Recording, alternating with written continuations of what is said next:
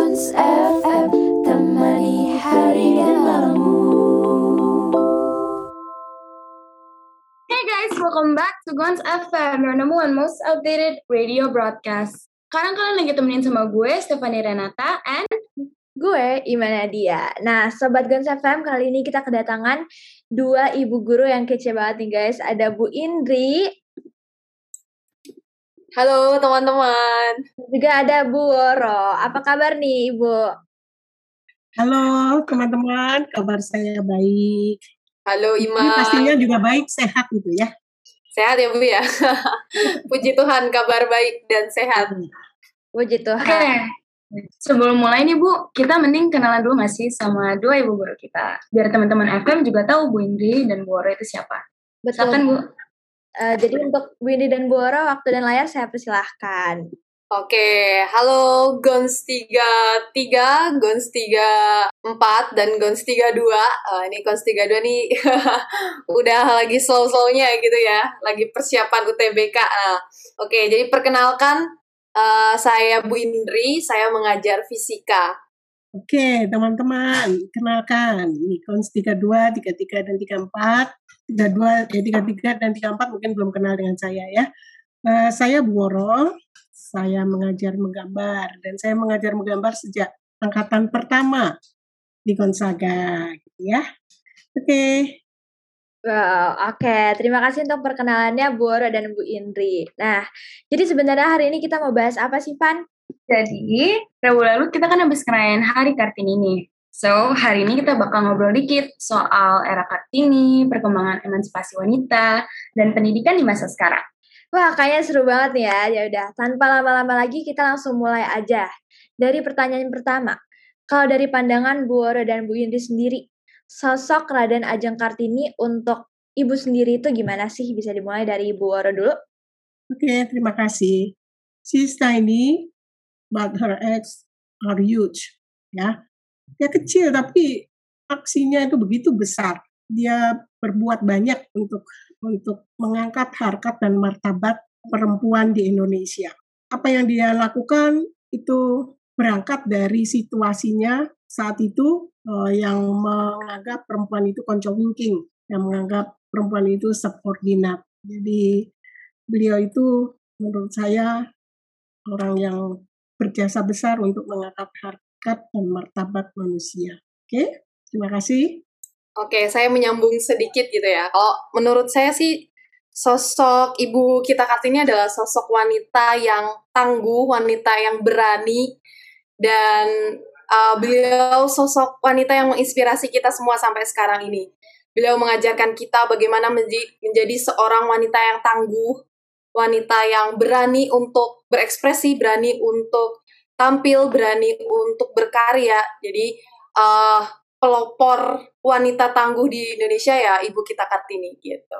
Baik, Eh, menarik banget ya tadi dari Bu Woro memandang dari em, ada quotes nih, she's tiny but her soul is youth. Jadi dia berbuat banyak untuk mengangkat harkat perempuan di Indonesia. Lalu dari Bu Indri, Bu Indri bilang kalau Kartini itu jadi teladan dan inspirasi buat Bu Indri. Mengajarkan Bu Indri dan kita juga nih untuk menjadi wanita yang tangguh dan berani untuk berekspresi, berkarya, dan juga berpendapat. Lanjut Fani. Yap, bener banget. Nambah perspektif kita juga sebagai Kartini muda Indonesia. Ya kan, Mak? Oke. Nah, Bu, Kartini ini kan terkait erat banget dengan pendidikan. Kalau menurut Bu Indri dan Bu Woro sebagai guru, sistem pendidikan di Indonesia itu gimana sih, Bu? Sistem pendidikan di Indonesia ketika saya lahir, saya kecil sudah sangat berubah ya. Kalau dulu perempuan nggak boleh belajar, umur 12 sudah harus dipingit gitu ya. Dan nggak boleh lagi melanjutkan pelajaran. Kalau zaman saya lahir sudah sudah belajar itu orang-orang perempuan itu perempuan itu sudah pada belajar bahkan apa yang dilakukan Kartini itu menginspirasi Van de Venter orang Belanda untuk melanjutkan cita-cita Kartini membuka sekolah perempuan. Nah, jadi ketika saya eh, lahir besar sudah sudah ada dan tidak ada pembedaan. Kebetulan saya lahir dari keluarga yang menurut saya cukup maju, jadi mengharuskan anak-anaknya belajar terus sampai setinggi-tingginya. Bahkan ketika saya lulus S1, bapak saya masih bertanya kapan S2. kapan S3 dan seterusnya. Ya, jadi menurut saya sudah merdeka saat ini. Terima kasih. Oke, saya sambung. Kalau menurut saya pendidikan di Indonesia ya pastinya sangat-sangat mengalami banyak perkembangan ya, uh, terutama dalam kesetaraan uh, dari segi laki-laki dan perempuan. Sekarang tidak ada uh, semua punya peluang gitu antara baik itu laki-laki maupun perempuan punya kesempatan yang sama, punya peluang yang sama untuk bersekolah. Terus kemudian dari segi kurikulum sendiri pun juga uh, banyak mengalami perkembangan pagi di masa pandemi ini kita kenal dengan kurikulum merdeka belajar gitu ya. Yang artinya uh, kita terbuka untuk terus berkembang, uh, terutama dalam sistem pendidikannya. Nah ini juga mungkin salah satu inspirasi dari apa yang telah diperjuangkan oleh Ibu kita Kartini, sehingga sekarang ini uh, khususnya sistem pendidikan Indonesia sudah mengalami banyak perkembangan. Terima kasih. Baik. Um, kalau bisa saya ringkas ya Bu dari Bu Woro nih, dari masa Bu Woro kecil sampai sekarang tentunya udah beda. Tapi um, menurut Bu Oro itu pendidikan sekarang sudah merdeka. Dari Bu Indri, Bu Indri juga bilang pas banget dengan kurikulum yang Indonesia anut nih sekarang di masa pandemi yaitu Merdeka Belajar. Lalu kesetaraan dari segi laki-laki dan perempuan juga sekarang sudah sangat maju, yaitu punya peluang yang sama untuk bersekolah. Baik, selanjutnya nih Bu, menurut Bu Indri dan Bu Oro, sebenarnya regulasi yang ada di Indonesia saat ini sudah mendukung persamaan hak dari wanita belum sih Bu? Ya, secara umum sudah ya. Secara umum sudah. Meskipun ya di sana sini di beberapa lembaga masih memper, memberlakukan juga pembedaan antara pria dan wanita karena mungkin pria dianggap sebagai kepala keluarga dan wanita itu bujang. Jadi ada pembedaan di situ di beberapa uh, lembaga ya, beberapa lembaga saja. Tapi pada umumnya mereka sudah menghargai pria dan wanita itu sama karena mereka menilai dari kinerjanya. Begitu menurut saya. Oke, okay, uh, eh, saya setuju dengan Bu Oro ya. Uh, saya juga setuju dengan adanya perkembangan regulasi di Indonesia. Jadi sekarang sudah banyak mengalami pengenangan mengenai kesetaraan antara pria dan wanita gitu ya, laki-laki dan perempuan dari mungkin baik dari pekerjaan maupun dari uh, pendidikan gitu dari siswa dan sebagainya seperti itu. Wah berarti udah lebih maju ya Bu, uh, ada perkembangan regulasi tentang kesetaraan pria dan wanita. Tuh. Uh, mungkin kalau boleh Bu, bisa cerita dikit pengalaman Ibu yang berkaitan dengan masalah kesetaraan hak wanita. Silakan Bu. Baik, kesetaraan hak wanita ya. Kebetulan kalau di rumah saya sendiri nggak ada pembedaan ya, bahkan saya mengerjakan pekerjaan pria juga gitu. Dan saudara saya yang pria juga mengerjakan pekerjaan wanita kalau memasak itu dianggap pekerjaan wanita. Karena dulu begitu, memasak itu pekerjaan wanita, pekerjaan konco winking. Nah, tidak ada pembedaan kalau di rumah saya, tetapi di tetangga-tetangga itu masih ada masih ada juga yang memperlakukan seperti itu. Hanya dulu waktu kecil saya juga pernah merasa ini kok kalau perempuan nggak boleh tertawa terbahak-bahak ya gitu. Nah, ternyata masih ada kultur-kultur yang dipegang bahwa perempuan itu harus anggun, perempuan itu bolehnya hanya tersenyum, nggak boleh terlihat giginya kalau tertawa, eh, yang begitu dan sebagainya. Jadi harus sopan, pakaiannya termasuk pakaiannya dan sebagainya, sikapnya gitu. Itu yang saya alami. Oke, saya lanjutkan. Nah, kalau uh, pengalaman saya pribadi gitu ya mengenai kesetaraan antara laki-laki dan perempuan ya uh, saya sudah merasakan bagaimana kesetaraan itu terjadi, terutama uh, ketika saya bersekolah juga sama saya punya peluang kita sebagai para wanita punya peluang menjadi seorang pemimpin gitu. Jadi ketika saya dulu sekolah, uh, saya punya peluang, saya punya kesempatan untuk menjadi seorang pemimpin di suatu organisasi atau mengkoordinator sebuah uh, apa ya, sebuah kegiatan. Nah, terutama di Gons juga kan sama di Gons juga kita uh, yang dekat dengan kita kita lihat ketua senat kita Laras. Nah itu juga seorang wanita. Jadi menurut saya um, apa ya sudah sangat dekat dengan kita gitu. Jadi uh, sebagai seorang perempuan pun kita punya peluang untuk menjadi seorang pemimpin menjadi seorang apa ya berkarya maupun untuk uh, melayani semuanya gitu. Maaf boleh nambah dikit aja? Boleh bu silakan. pengalaman saya pengalaman saya menurut saya itu tidak membedakan perempuan dan pria itu di Gonzaga. karena saya dipercaya juga untuk waktu itu mendampingi Gonzaga Festival yang pertama dan kedua dan banyak hal yang bisa saya kerjakan sebagai perempuan di Gonzaga. Gitu. Terima kasih. Baik, Bu. Berarti bisa diringkas kalau untuk Ibu Woro dulu waktu kecil di keluarga Ibu tidak ada perbedaan antara pria dan wanita ya Bu, tapi uh, pada dulu ibu kecil di sekeliling ibu masih ada beberapa peraturan yang hanya berlaku untuk wanita seperti tidak boleh ketawa terbahak-bahak atau harus sopan dan sebagainya. Nah, untuk Ibu Indri, growing up kesetaraan itu sudah terjadi. Jadi wanita memiliki kesempatan yang sama dengan pria untuk menjadi pemimpin. Benar kan, Bu? Betul sekali, Stefani. Oke, nah tadi kita udah dengar di pengalaman serta pandangan dari Bu Oro dan Bu Indri mengenai situasi kesetaraan hak wanita di Indonesia dan juga di sekolah kita nih di GONS yang udah sangat-sangat setara banget ya laki-laki dan perempuan untuk guru maupun buat siswa. Dari guru tadi Bu Oro bilang diberikan kepercayaan buat ngurusin Gonzaga Festival dan juga dari Bu Indri juga sama dan kita siswa juga ngerasa banget dengan Laras sebagai ketua senat kita. Oke. Next nih Van, kita mau ke section apa? Nah, selanjutnya ini kita ada sesi Q&A atau question and answer. Nah, silakan mau buat pertanyaan yang pertama. Oke. Okay.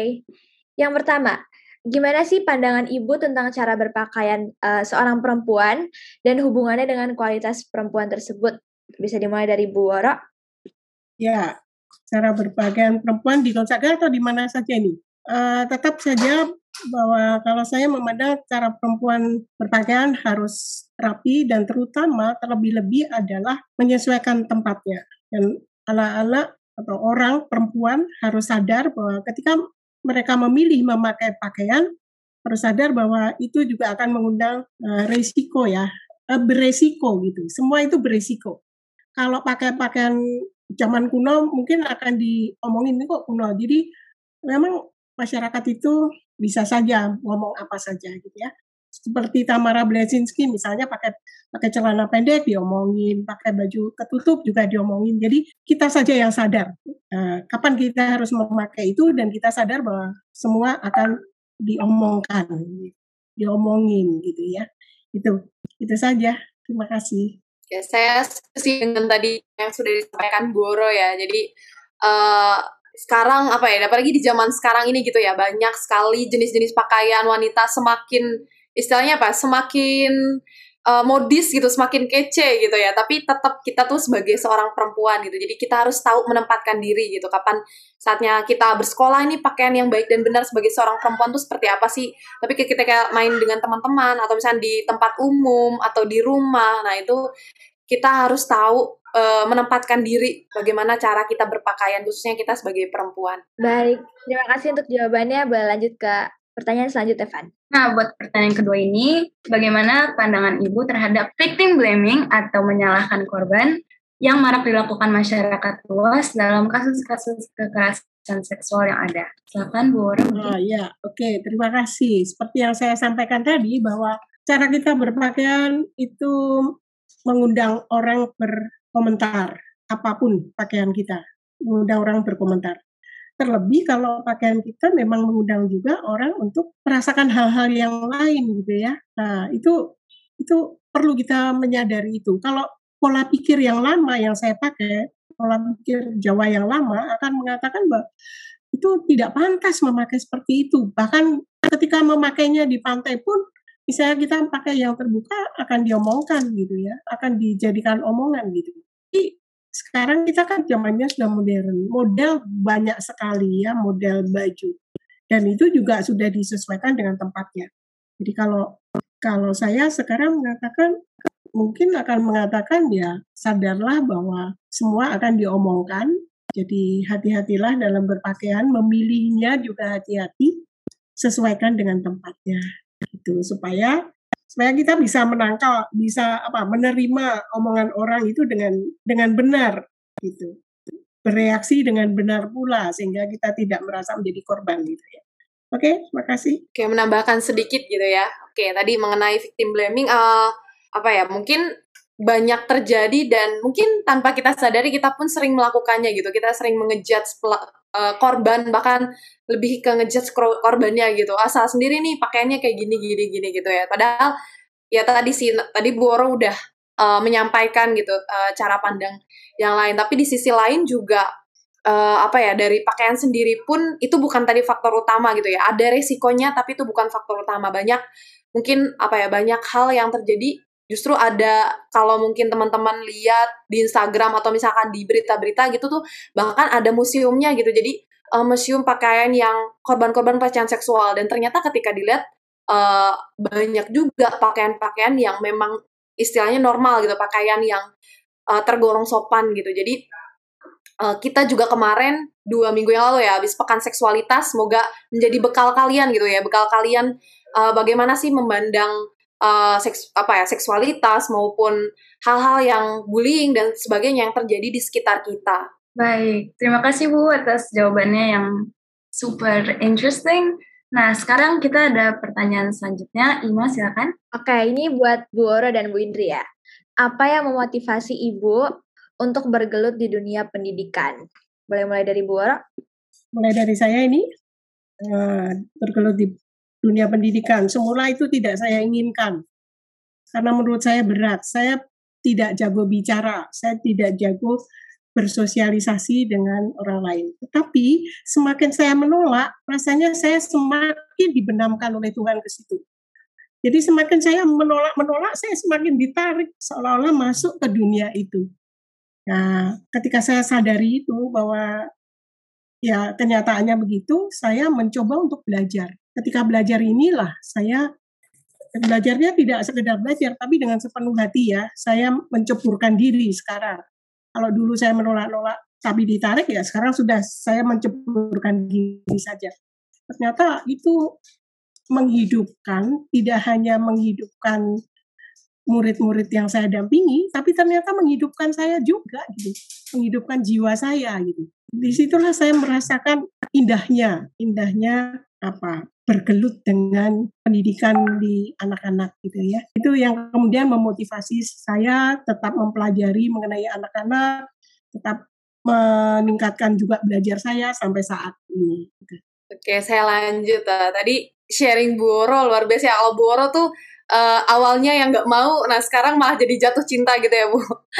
Kalau kalau saya tuh uh, apa ya? Saya kebalikan gitu dengan Boro karena tuh saya tipe orangnya yang uh, senang ketemu orang lain, terus senang ngajarin. Dulu waktu SMA tuh saya senang ngajarin teman-teman, terus saya juga senang ketemu orang banyak, saya juga senang ngomong gitu, jadi uh, senang anak kecil juga, jadi uh, saya pikir oh kayaknya saya cocok nih kalau jadi seorang guru gitu, jadi uh, tapi ketika saya terjun menjadi seorang guru juga tidak semudah yang saya pikirkan gitu, saya pikir ya udah karena saya punya bekal itu ya saya akan nyaman akan apa ya lancar-lancar. Ternyata ya tidak seperti itu juga. Banyak proses yang saya lewati banyak yang harus saya pelajari. Bahkan sampai sekarang saya butuh banyak sekali pembelajaran. Belajar dari Buoro belajar dari guru-guru yang lain belajar dari sumber yang lain gitu. Tapi uh, hal yang apa ya, yang membuat saya terus bersemangat membuat saya terus termotivasi itu ya ketemu dengan anak-anak ketemu di kelas walaupun sekarang secara online gitu ya sedih sih nggak bisa ketemu langsung tapi ternyata ketika saya berjumpa maupun secara virtual uh, lewat apa ya uh, bersama anak-anak gitu ya ternyata itu membawa sukacita buat saya sendiri gitu membawa kebahagiaan buat saya sendiri. Ternyata kalau libur juga wah ternyata kangen ya ketemu anak-anak atau misalnya apalagi kita ngalamin ya masa offline dan online gitu. Jadi ketika wah ketika keseruan offline gitu ketemu anak-anak di kelas istirahat terus uh, rame-ramenya mereka dan sebagainya. Nah ternyata uh, semakin ke sini saya semakin sadar wah ini yang membuat saya terus apa ya terus uh, menguatkan saya meneguhkan saya mendampingi anak-anak menemani anak-anak gitu sebagai guru. Gitu sih. Oke terima kasih untuk jawaban keren-kerennya nih dari guru. Kalau boleh dibilang nih guru yang uh, junior dan guru yang senior banget di Gonzaga betul oke lanjut ke pertanyaan selanjutnya Fani Nah, yang pertanyaan selanjutnya ada pertanyaan buat Bu Indri nih. Bagaimana pandangan Ibu terhadap stigma masyarakat yang masih beranggapan bahwa seorang perempuan dalam keluarga harus bergelut dalam pengurusan rumah tangga dibanding merintis karir? Silakan Bu. Oke, ini kalau pandangan saya secara pribadi ya.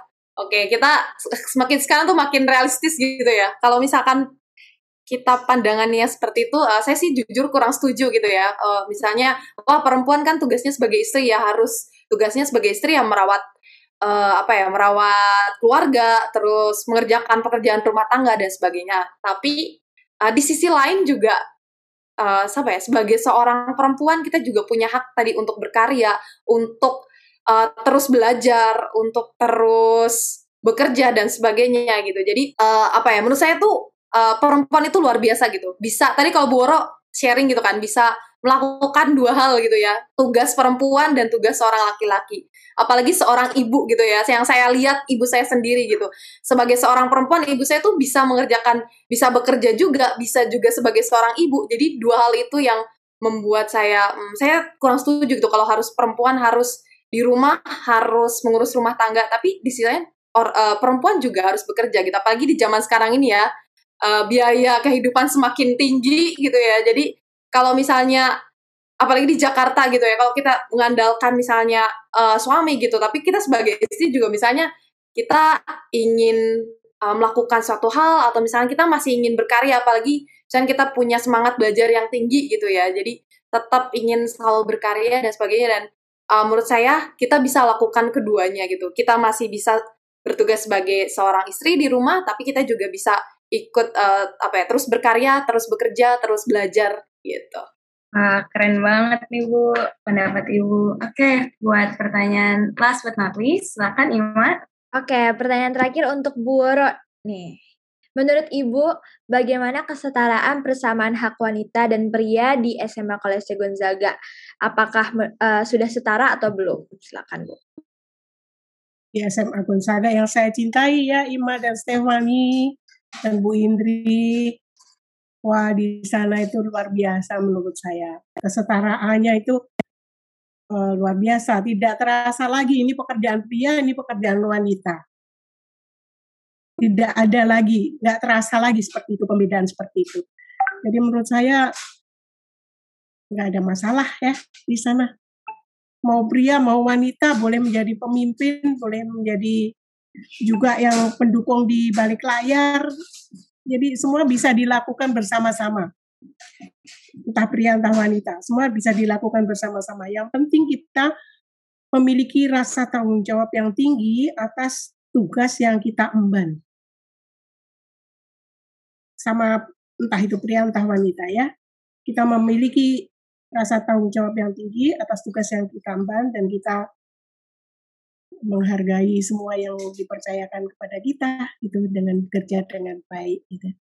Itu yang bisa saya sampaikan. Baik, terima kasih Bu. Wah, nggak kerasa nih waktu kita buat episode ada satu atau dua kata yang ingin Ibu sampaikan untuk Kartini-Kartini yang ada di luar sana? Ya, kalau saya nih, jadilah tetap menjadi wanita, jangan kehilangan kewanitaannya. Meskipun kalian bisa berkarir setinggi mungkin, sehebat mungkin, tapi jangan sampai kehilangan kewanitaannya. Apa sebagai seorang wanita, sebagai seorang putri itu tetap harus dipegang. Gitu. Itu pesan saya. Hmm, Oke, okay, kalau dari saya buat Kartini Kartini masa kini Gonzagawati ya, Gonzagawati yang apa sedang menyaksikan uh, podcast ini gitu ya. Uh, pokoknya kalau pesan dari Bu Indri, uh, tetap semangat, tetap menjadi tadi kata Boro jangan kehilangan jati diri sebagai seorang wanita, wanita yang tangguh, wanita yang percaya diri, wanita yang berani seperti ibu kita Kartini. Baik, Oh, ini makasih banget nih Bu Oro dan Bu Indri sudah sangat menginspirasi. Ini jujur aja saya terinspirasi dadakan um, dengan jawaban-jawaban Ibu tadi. Nah, untuk teman-teman yang udah nonton juga nih di YouTube. Terima kasih banget udah nonton sampai detik ini. Untuk teman-teman di Spotify yang lagi dengar, terima kasih juga udah nonton udah dengar sampai detik ini. Nah, jangan lupa juga untuk like, comment, dan subscribe, dan share video ini ke teman-teman kalian, ke sosial media. Jangan lupa juga untuk diposting di story tentang podcast ini. Nah, jadi gue Manadia dan gue Stefani Renata. Pamit, sampai jumpa di episode selanjutnya. Dadah. Dadah.